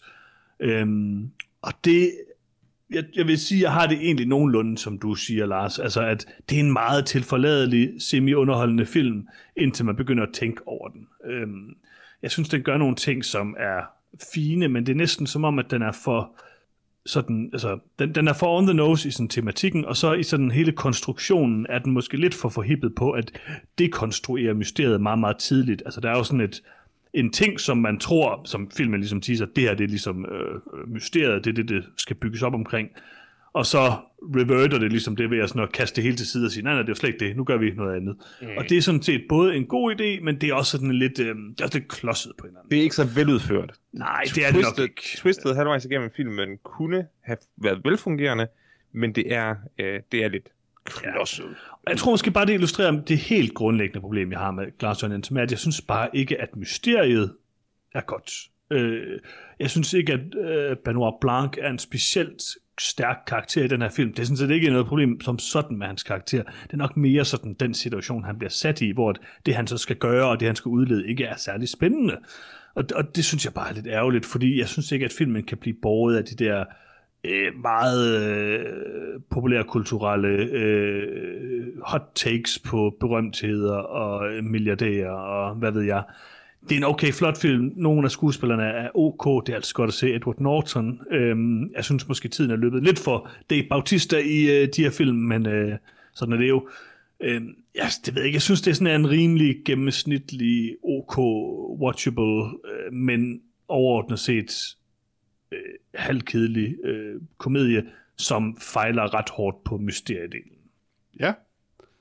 Øh, jeg synes, den var rigtig sjov, sådan set. Øh, jeg kan sagtens øh, følge det, du siger, Johannes, med at du synes, er for on the nose. Jeg synes ikke, jeg tror ikke så meget problemet er, for mig er, at den er for on the nose, som, som jeg forudsætter, altså at problemet bliver over tid, at den er ekstremt meget af sin tid. Øh, alle referencer i filmen kommer til at være dated inden for to år, tre år, fire år, ja. altså hvad det nu er. Man kan ikke, hvis man gik tilbage og så den der film fem år fra nu, så ville det ikke give nogen mening. Noget af det, tror jeg. Ja, Det vil, det vil i hvert fald, det- mås, måske det vil det give håber mening, jeg. men... Det håber jeg, du har ret i, Peter. Det håber jeg, du har ret i. Jamen det er også, mens jeg siger det, det er også derfor, jeg bliver ved med, at- med at udskyde, hvor lang tid det skal, der skal gå før, fordi i realiteten, så ved jeg ikke, om det, om det er sandt. Det må, vi kommer nok til at huske det her, den her tid. Dum, øh, dumme liv. og talkshows værter, der er... og covid. Uh, øh, ja. Også jo, det Ja, fylder jo covid, ja. exceptionelt meget i den her film. Um, og, det fik, og, og, i starten gør det, det er det I start- eneste, folk taler om i starten af filmen. Og, og det, er en, ja. det er første akt, basically. Og det er slet ikke, altså det hele setupet til filmen også er covid. Um, og det er fint, mm. det, det er der slet ikke noget galt i. Uh, det er mere bare sådan en, sådan, det er meget, meget Men, tidsbestemt på en eller anden måde. Så kommer Ethan Hawke heldigvis og giver et, et ma- magisk pust i munden, og så er covid ikke relevant. Hvilket øvrigt var en ret sjov scene. Det var en Um, super film. You're good. Præcis. Øh, jeg synes, at øh, hvad hedder det, Daniel Craig's øh, rolle, Benoit Blanc, er sådan noget af det bedste Daniel Craig, hvis ikke bare generelt min yndlings Daniel Craig i film. Jeg synes, der er et eller andet over hans spot-on Southern Gentleman øh, stemme, og hele hans look, og sådan, som bare fungerer for mig. Jeg synes også, det er fedt, at de går... Well, de kunne godt være gået lidt mere sådan blunt ind på det, men at de går all in på, at han er queer. Øh, fordi det, det var, altså det tror jeg var sådan en rimelig populær sådan fan-ting øh, for den første film, og det er meget fedt at se, at de bare ligner ind i det. Um, han har den, øh, de, de bedste outfits i den her film. Øh, jeg elsker hans pool-outfit, hvor han bare står i vandet, fully clothed, og stiger på folk. Han er sådan en dejlig, bare en fucking weirdo egentlig i den her film. Um, og sådan lidt socialt inept, og det, det kunne jeg meget godt lide. Uh, for mig at se, der er det største problem med den her film, det er, hvordan den prøver at dekonstruere sig selv, og, og, og den genre, den trods alt også gerne vil operere i. Fordi den er noget med en film, som er rimelig spændende øh, i to tredjedel af dens running time, og så slutter den, og så er der 40 minutter tilbage af filmen. Øh, og det er sådan der omkring, hvor lang tid der er tilbage efter quote-unquote revealet. Øh, og det er simpelthen alt for lang tid, der er tilbage. Alt for lang tid. Og der er sådan noget emotional release-agtigt noget i karaktererne, for karaktererne i det. Men det er en alt for sådan Det fungerer slet ikke. direkte komisk film til, at der er nogen rigtig tyngde i noget af det. Altså, karaktererne selv er også alt for chill omkring det, der er sket egentlig. Det hele taget sådan, Ja. så kan de smadre nogle vaser og sådan. Det er ikke helt passende til situationen på en eller anden måde. Er også Øhm, fordi, det er sådan, den slet ikke rigtig adresserer det der med, at de jo alle sammen er nogle gigantiske røvhuller. Kun fordi, det er sådan, jamen, så kan de sidde og surmule til sidst. Okay, men altså, det er måske lidt mere seriøst, det der er sket. Ja, Øhm, det, altså, det er også bare sådan, at smadre nogle vaser og, og sådan noget, er ikke rigtig tilsvarende til, Nej, nej. hvad der lige er blevet afsløret jo. Ja, præcis. Øhm, Men jeg vil men- så også sige, jeg synes, der, der er én ting, øh, altså, jeg synes, et af problemerne med det, der du nævner, Peter, med sådan en konstruktion, det er også, at den her film, det, det, det er sjældent, en film er så meget direkte en anden film, som øh, Glass Onion er. Altså, og nu spoiler jeg måske noget ved at sige det, men øh, whatever, nu hører man en anmeldelse. Altså, den her film er nærmest identisk med, hvad hedder det, uh, The Handmaiden uh, i strukturen. Og øh, det øh, altså, er bare lidt lamt, når man har set, hvordan det kan sådan gøres i en totalt fabelagtig film. Øhm, og det er den her ikke hvordan, jeg hvordan, forstod er, det hvordan er den her film ligesom The Handmaiden? Altså, det Men jeg jeg vil helst ikke, struktur, hvor den godt... Ja, okay, altså, det er jo det der, der kommer det der punkt til sidst, hvor de så ruller tilbage igen. Øhm, altså, det er helt samme greb, de gør. Okay. De gør det Øh, bare jeg- flere gange i The den- Handmaiden. den, den, den parallel øh, øh, så, så jeg ikke. Øh, jeg synes heller ikke, vi skal, altså, selvom det ikke er verdens øh, bedste øh, mormysterie, det tror jeg, vi kan blive enige om, det ikke er, øh, så skal Det vi er jo heller også ikke, lidt skal vi by heller- design, skal vi, kan man sige. Skal vi heller ikke øh, spoil det. Nej. Øh, Jeg, Jeg synes, en ting, der var interessant, undskyld bare lige, mens jeg husker det, en ting, Mm, der er interessant i forhold til mormysteriedelen af filmen, synes jeg, at det ikke er interessant, men det er bare godt at se, når film gør sådan noget her. Det er, at der på et tidspunkt bliver, bliver lavet et callback tilbage til en scene, øh, en meget, meget tidligere scene, og der bliver sagt, at man, man var det, det vi så og sådan noget. Jeg synes, det er ret fint, når film rent faktisk gør det, at hvis du går tilbage ser scenen, så, så kunne du tydeligt se det, der skete.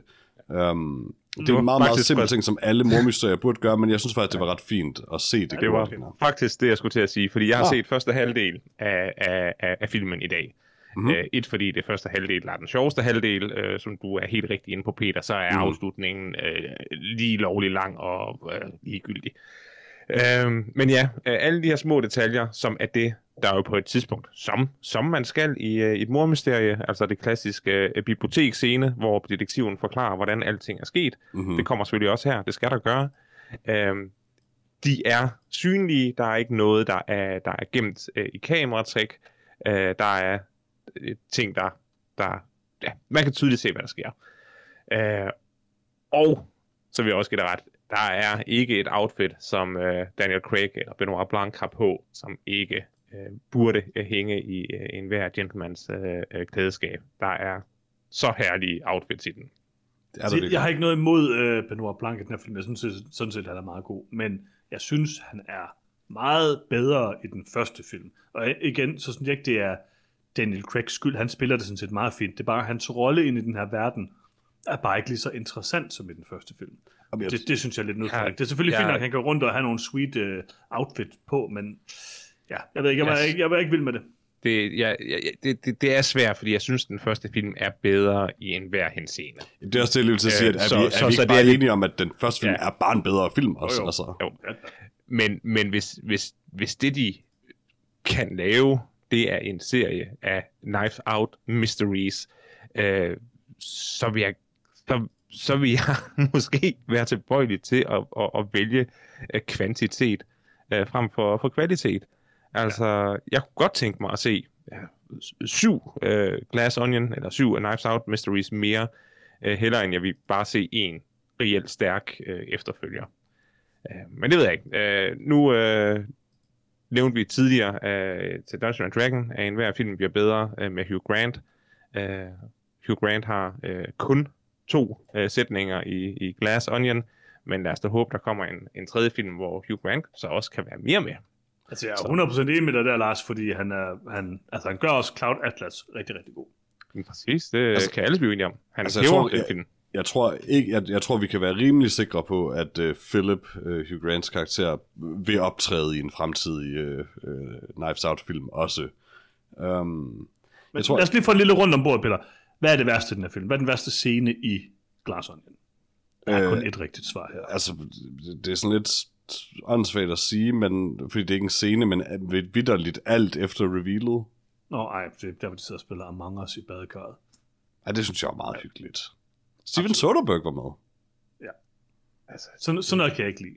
nej, det er fordi, det er en reference til noget, som er, Ja. ja. øh, folk elsker, og så bliver du bare sur. Præcis. Så, Ja, ja. og Johannes, det, det er fint nok, det er et af de karaktertræk, vi bedst kan lide ved dig. Tak. øhm, nej, der er en lille Am- Among Us øh, gimmick til at starte med.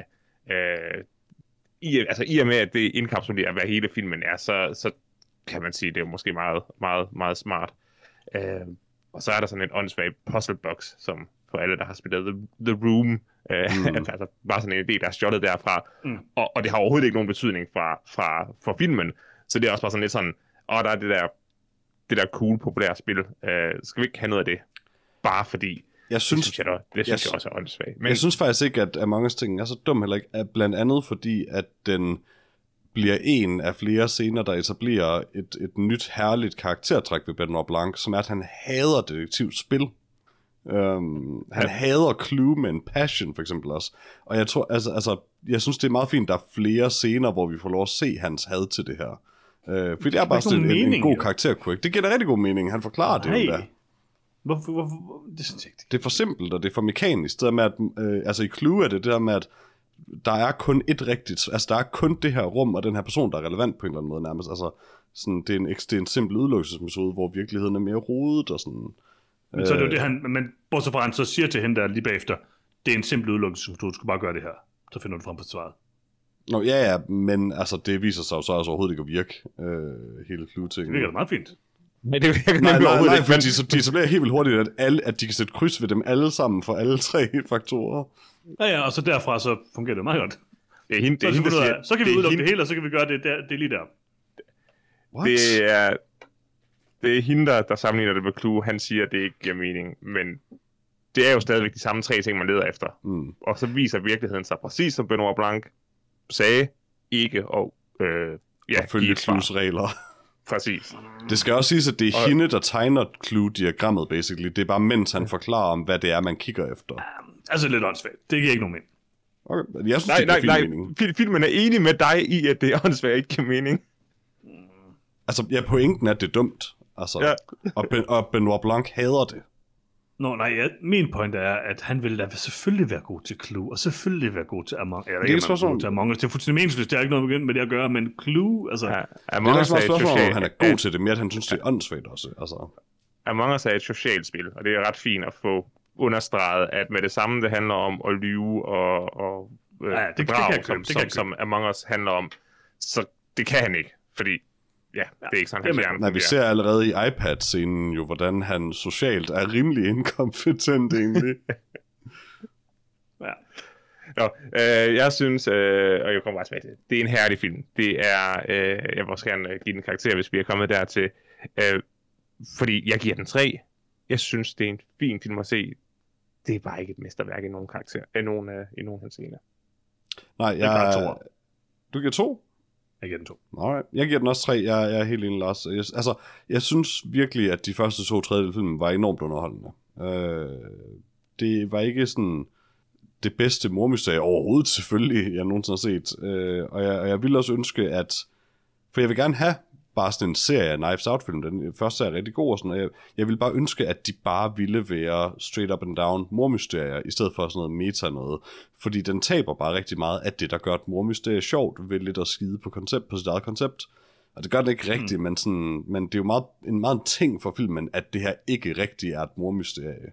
Um, og ja, det, det, det, tager, det taber den bare noget ved. Og så synes jeg virkelig også, det er et problem, at den har så meget runtime efter revealet, som man virkelig er så fuldkommen ligeglad med. Øh, men jeg synes, det er en sjov film. Jeg synes, god cast, jeg synes, casting er god. Jeg synes, alle skuespillerne øh, leverer både øh, sjove replikker og, og udmærket skuespil for den sags skyld. Altså, det er jo comedy, men, men det, det er bare en, det er en rigtig hyggelig, lille farverig film. Jeg tror, det er vigtigt, at, øh, jeg tror, det er vigtigt, at øh, Ryan Johnson, der nu i, gennem to film har, har stået stilen fast for, hvad det er, at en Knives Out øh, altså en, en Benoit Blanc-mysterie, øh, hvordan den skal fungere.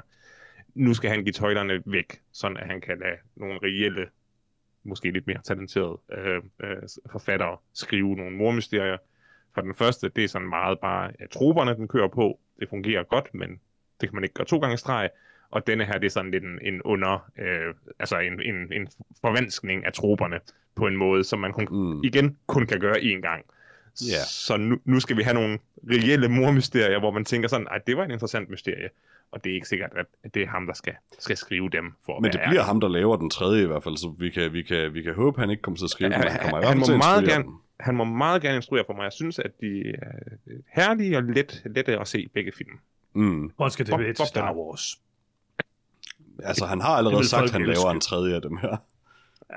Altså, jeg ved ikke, jeg synes for mig så er det der med, det, jeg, jeg hader ikke den her film, den er fin nok, men jeg synes, der er en ret, væs, altså ret markant kvalitetsforskel på den første film og den anden film, og det er også det, vi snakker om her. Mm. Og jeg har ikke nogen speciel, altså, jeg synes, jeg synes, den her, den var så tilpas kedelig til, at jeg ikke sådan super hooked på at skulle se en tredje i det her univers. Det, det tror jeg ikke, ikke jeg umiddelbart vil give, medmindre folk siger, at den er rigtig god.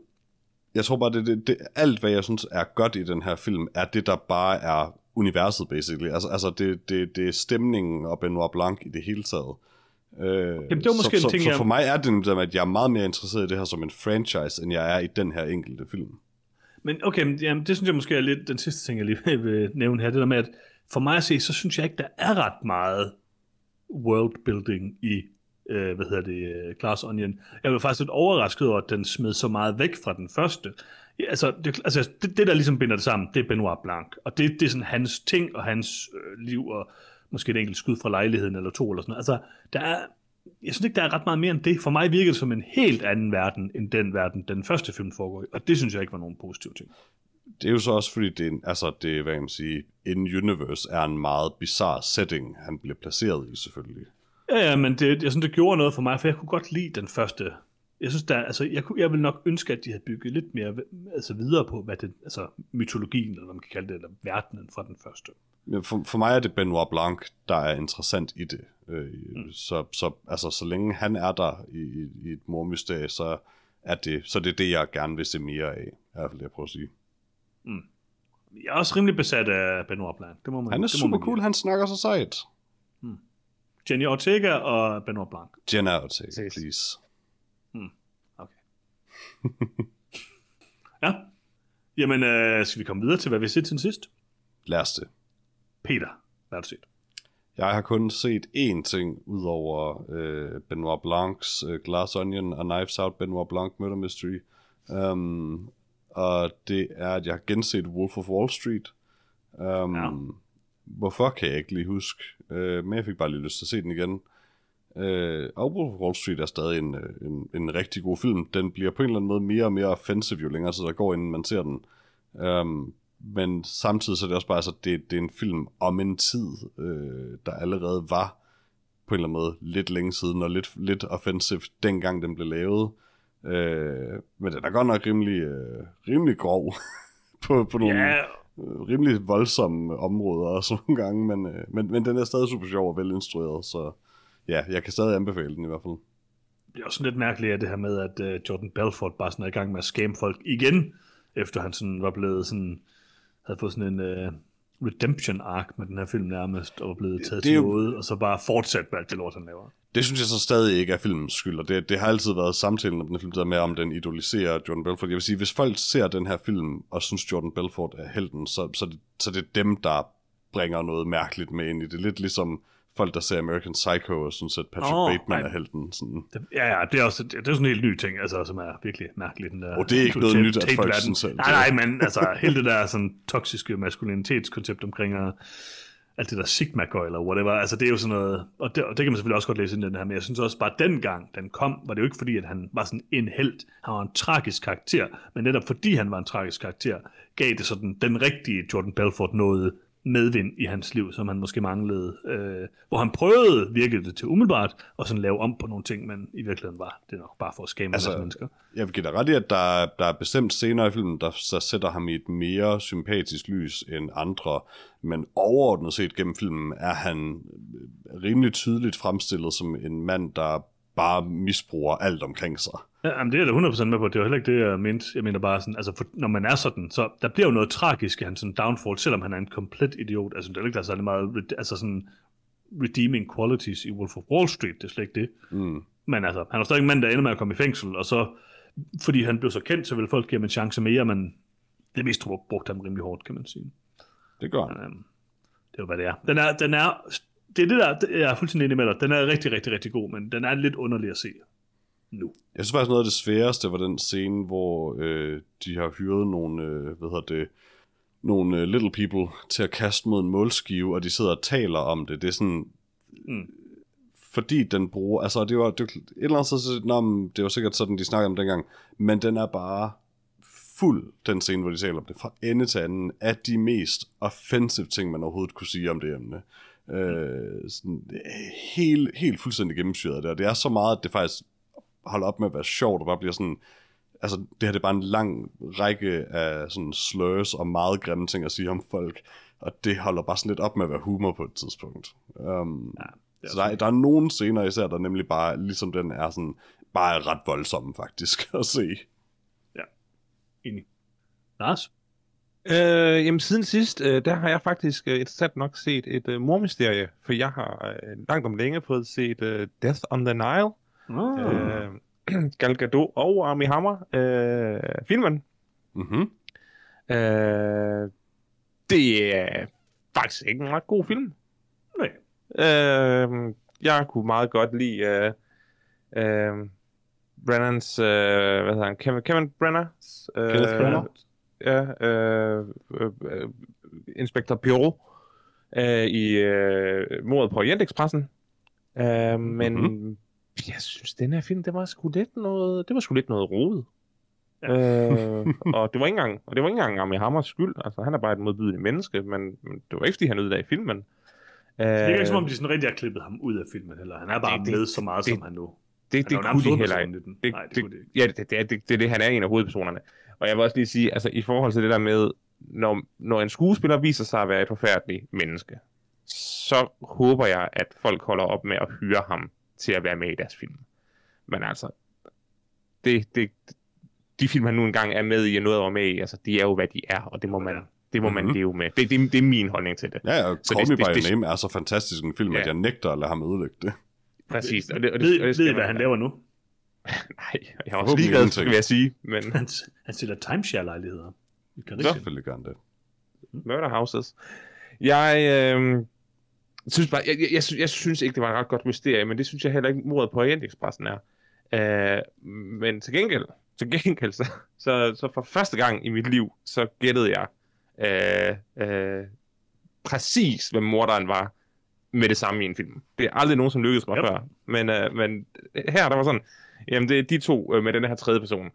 Ja. Øh, og, og, og det eneste, det eneste, der var forkert, det var, at jeg troede, at de arbejdede sammen. Men nej, de arbejdede ikke sammen, men det var stadigvæk de tre personer, der, der prøvede at, at begå morerne. Jo. Øh, så, så det var meget hyggeligt. Øh, så har jeg også prøvet det. Øh, ellers så er det er bare lidt en meningsløs film. Den her er ikke særlig pæn. Det, og så havde er Hvor, hvor, hvor, hvorfor, hvorfor skal filmen forklare alting? Hvorfor skulle vi have forklaret, hvorfor Pirou har et overskæg? Ja, men det, det kan jeg også huske, da jeg om Det var, i, det var øh, lige før, jeg slukkede filmen, da, da, Ja. da det var sådan et... jamen, han havde et cool overskæg. Der er en origin være story til hans overskæg. Oh, nice. Det er ligesom i Solo og Star Wars Story, hvor, hvor vi skal have, have at vide, hvorfor han. Solo hedder det andet. Yep, yep. Og jeg, og, og, og- og jeg bliver faktisk så sur, fordi nu, nu er jeg jo selv en mand med overskæg, øh, og, og, og jeg, jeg tænker bare, at det er sådan en instruktør, der har sat og tænkt sådan, ej, det er godt nok også et meget øh, intricate, øh, og, og altså, det, det, det, er vil kræve meget, det, det vil kræve meget at holde det overskæg så flot. Er det vildt? Jamen, er det ikke sådan lidt, lidt fimset at gå op i sit overskæg? Jo, men, jo, jo, men hvad nu, hvis han har sådan et stort krigsar på sin overlæb, og det er bare det, han vil skjule, fordi han er sådan en rigtig mand. Er det det, det er? Yep. Ja, ja. Men hvorfor er det et dobbelt overskæg? Det er der ingen... Ja, fordi, altså, hans, fordi det havde Det er hans general, hans general, der, der, der døde, eller hans øh, kaptajn, der døde i angrebet, hvor han selv fik et kæmpe ar over, over, over overlæben, havde også sådan et stort overskæg. Det er også lidt told you so til ham, der er kaptajnen sådan der i starten. Ja, ja, ja. Tag lige Men- lidt sammen. Jeg, jeg ved, at de her fugle, de flyver på den her måde. Ja, men det er så åndssvagt, og det er sådan, det er virkelig, altså det kan godt være, at, at jeg føler mig stødt, men det er sådan, hvorfor må mænd på film ikke, ikke gå op i deres udseende? Ligesom Benoit Blanc, der tydeligvis går op i sin charmeklude. Uh, Det gør han. Det var det, jeg fik ud af at se uh, Death on the Nile. Jeg blev bare lidt forarvet. vred, faktisk. Jeg, jeg, jeg, for, jeg blev forvar, forarvet på vegne af os med overskæg, der rent faktisk godt kan lide at stå og klippe øh, vores overskæg i, i 10 minutter, for at få det til at, at være helt øh, dandy. Det, altså, Altså, der er jeg- ikke noget jeg bedre dig. ved at have et overskæg, end at trimme overskægget. Det, det Nej, er det det- bedste ved det. Det er ligesom Det er at have et bonsai-træ. I skal have et Ja, fuldskæg. Sådan. Det har du også, Peter, fordi Jeg har du skal sådan noget uld. Ja, men det er det, jeg mener. Man skal, det, er det bedste, det er at stå sådan oliere skægget der. Uff. Ja, det, altså det, det er også godt, men, men jeg må indrømme, det der med at klippe kanten over overlæben på overskægget, det er, det er særligt tilfredsstillende.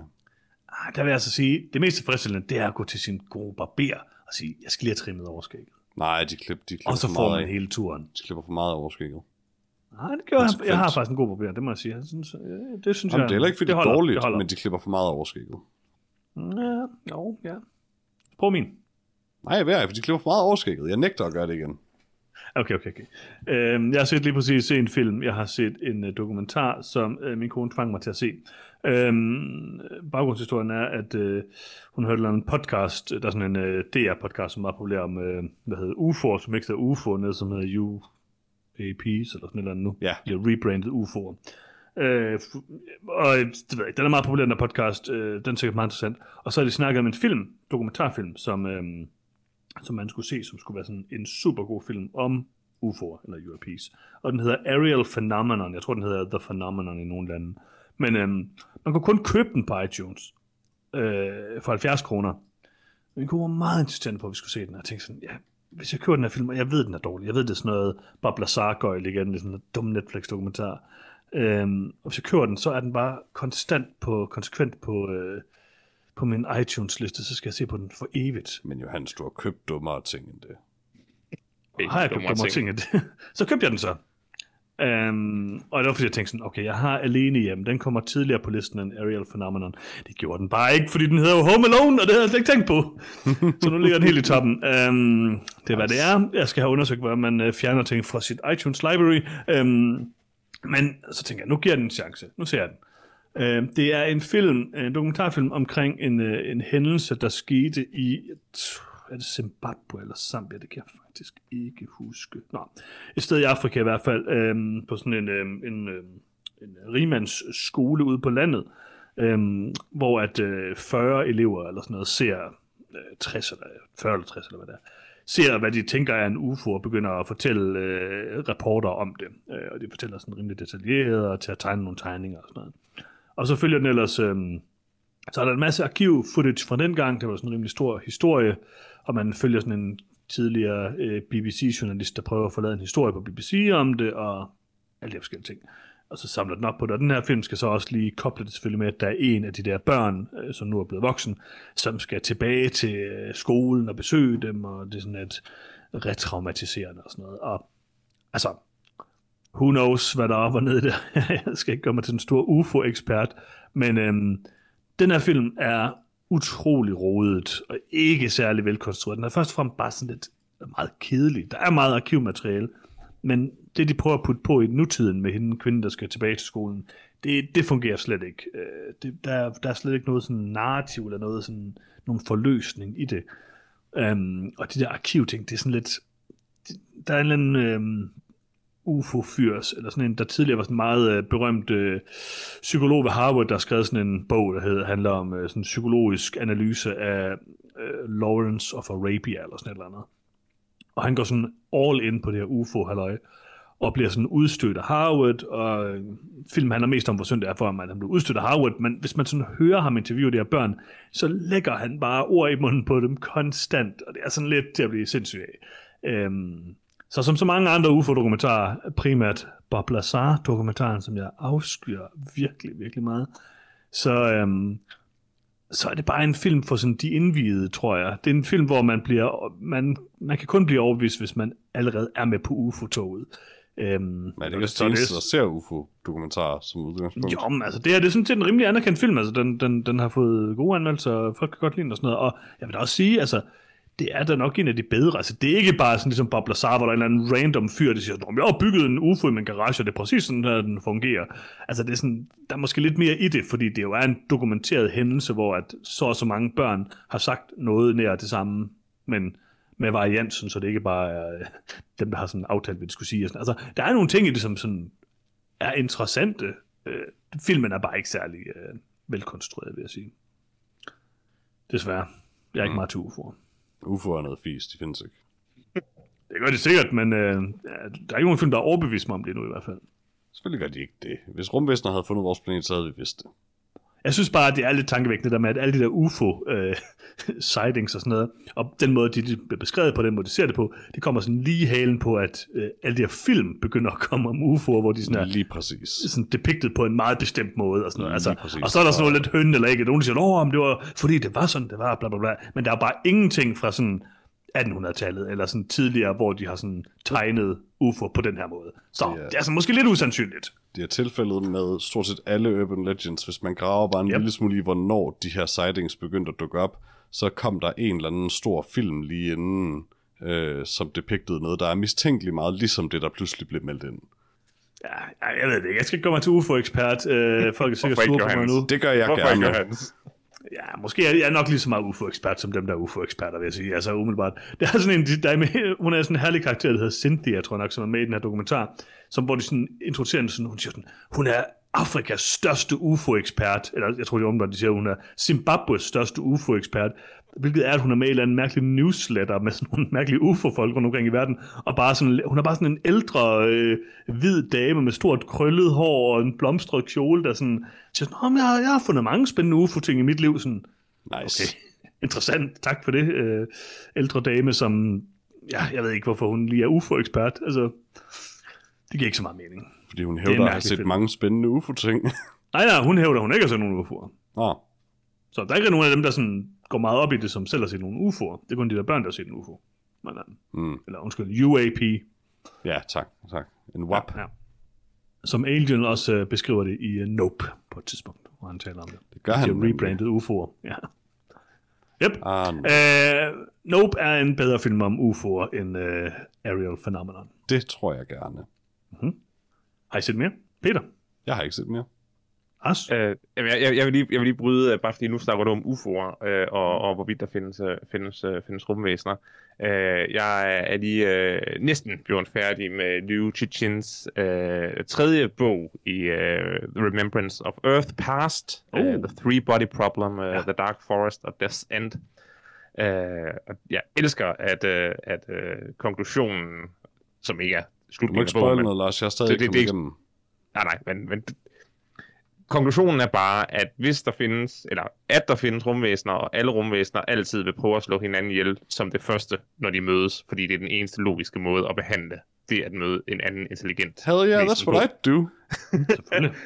Jeg Øh, godt tilgå hver samtale.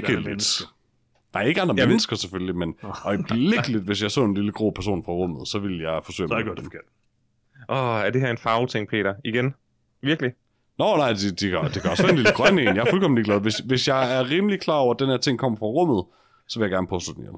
Sådan, Peter. Det er også det eneste rigtige, siger, øh, siger øh, øh, Lioche øh, i, i bøgerne. Lige præcis. Ja, jeg, jeg, jeg vil sige, øh, jeg er nok ikke så vant til at læse øh, ikke-vestlig litteratur. Øh, jeg kan ikke lige sige, hvad, hvad jeg ellers har læst, der, der, der er, øh, er østlig eller, eller ja, ikke-vestlige. Men hold kæft, de bøger er vanvittige. Mm-hmm. De har et koncept, mm-hmm. og så bruger de et par timer på at udforske konceptet, og så bruger de en sætning på at sige, men det var så også lige meget. Uh, Ja. Men hør om det her koncept, og så går de videre.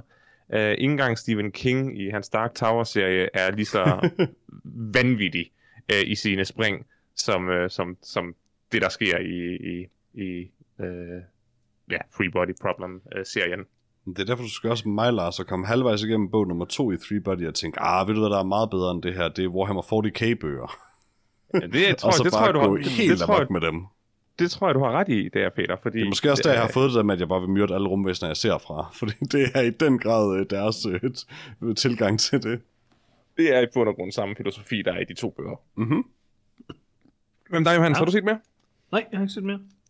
Nå, så har jeg kun set øh, en øh, ting, jeg reelt set har set, som jeg bare vil nævne. Øh, jeg har set sidste sæson af Brooklyn Nine-Nine. Uh. Øh, jeg tror, det må være 8. sæson. Det, jeg tror, det, det, ja, det, kan, det er 8. eller 9. Ja, øh, jeg tror, det er 8. sæson, det slutter på nu. Øh, og det virker definitivt slut, øh, hvilket ikke øh, er, er nogen øh, sorg øh, som sådan. Øh, men jeg vil stadigvæk sige, at fra ende til anden, så er Brooklyn Nine-Nine et ganske underholdende show med øh, højdepunkter hister her, øh, og ikke kun højdepunkter i, i, i starten, øh, men også nogle episoder øh, hen mod slutningen, der er øh, af samme kvalitet. Så Så det var en god Det sæson, efter- den sidste. Jeg har ikke set den endnu, men jeg er den, interesseret. den, den, den har været ligesom de sidste par sæsoner. Den har været god nok, og jeg, jeg, jeg, jeg har været godt underholdt af min tid med Brooklyn Nine-Nine. Nice. Mm-hmm. Jeg glæder mig til at se den sidste sæson. den. er ganske god. Ja. Mm. Altså, det er virkelig, altså... Det er meget afslappet, det er meget low-key Ja, og præcis. low-stakes underholdning, men, men det er fint. Ja, altså det bedste, jeg kan sige om den, det er, at den, den forbliver sådan udmærket sjov hele vejen igennem. Altså, den, den, den bliver aldrig reelt dårlig på noget tidspunkt, synes jeg. Og sæson 8, den, øh, den tager et politisk øh, standpunkt, øh, ikke for hårdt, men bare lige hårdt nok til, at, øh, at det er okay, øh, om at politivold er skidt. Meget kontroversielt. Mod et Ja, det, det, det, er et, det er et modstandpunkt, at tage. det er fuldstændig rigtigt. Ja. Øh, Tænk, hvis den tager det andet standpunkt. Så er det, Jeg, det, det, det, vi har tænkt over det, og vi kommer frem til, at politivold måske er lidt øv. Jamen, der, der, er jo en, der er jo en karakter, øhm, øh, jeg kan ikke huske, hvad skuespillerens navn er, øh, men som jo har lige præcis øh, det standpunkt, at når politiet arbejder, så skal man ikke blande sig i, hvordan de gør det. Mm-hmm. Øh, og han virker jo selvfølgelig psykotisk og skinger, øh, hvilket, øh, ja, måske var hensigten, tror jeg. Jeg tror, det var hensigten. Jeg tror, det var hensigten at gøre lidt grin med ham. Bare en lille smule. Ja. Ja, det tror jeg. Det, det kunne godt være, det var det, der var hensigten. Nå, jamen jeg tror, var det ikke cirka det, vi, øh, vi når i den her dejlige episode af noget om film? Herlige episode, købet også. Herlig, herlig episode. Fantastisk. Altså, skal vi lige have lidt nyt i nyt? Nej. Nyt i nyt. Tak for det, tak for det, Peter.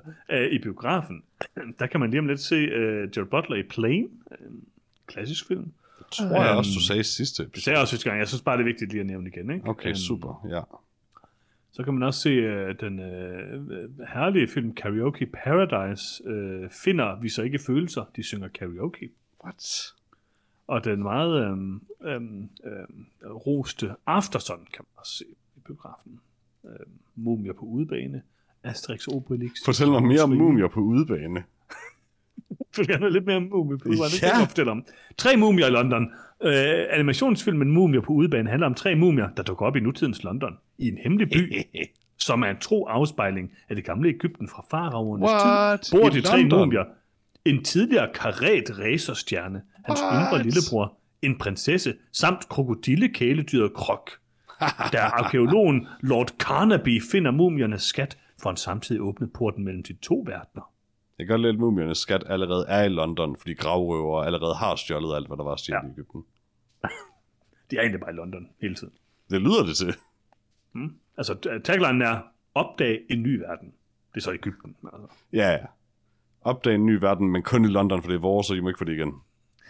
Ja, øhm, ja fair nok. Øh, det var en film, man kunne se i biografen. Så øh, det var nyt i nyt, Peter. Nyt i nyt. Tak for det. Og jeg tror også, at det, jeg tror, vi bliver nødt til at stoppe den podcast nu.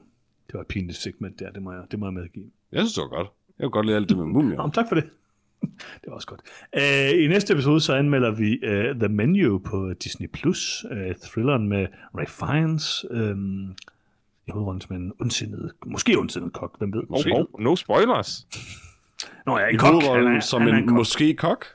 En måske, måske. kok. Hvem ved, hvem ved. Um, og der må jeg bare sige, det bliver interessant, for jeg har set den. Okay, det er en spoiler, Hans. Nu Det ved er jeg, en at filmen er interessant. Filmen er en film. What? Hvad hvis det Det- var content? Det er også spoiler. Det er, så, det er så lidt af det, vi ser nu til, tid, nu til dags. Der er film, så hold op med at ødelægge det her præcis. for mig. Det er selvfølgelig faktisk rigtigt. Jeg vil faktisk sige, Det- at jeg har, YouTube har allerede vist mig øh, uprovokeret en masse stories, som bare er scener fra The Menu.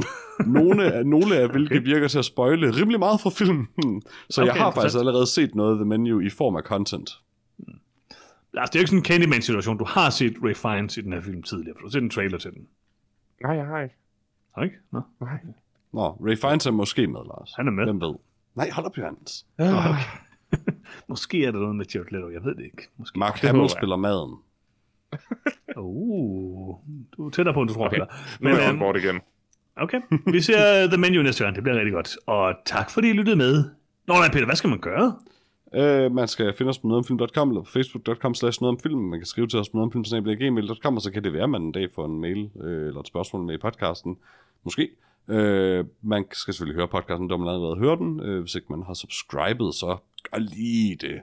Og selvfølgelig, hvis du kan give en positiv anmeldelse, eller 5, 6, jeg ved ikke, hvor mange stjerner, så gør det også. Det bliver vi så glade for.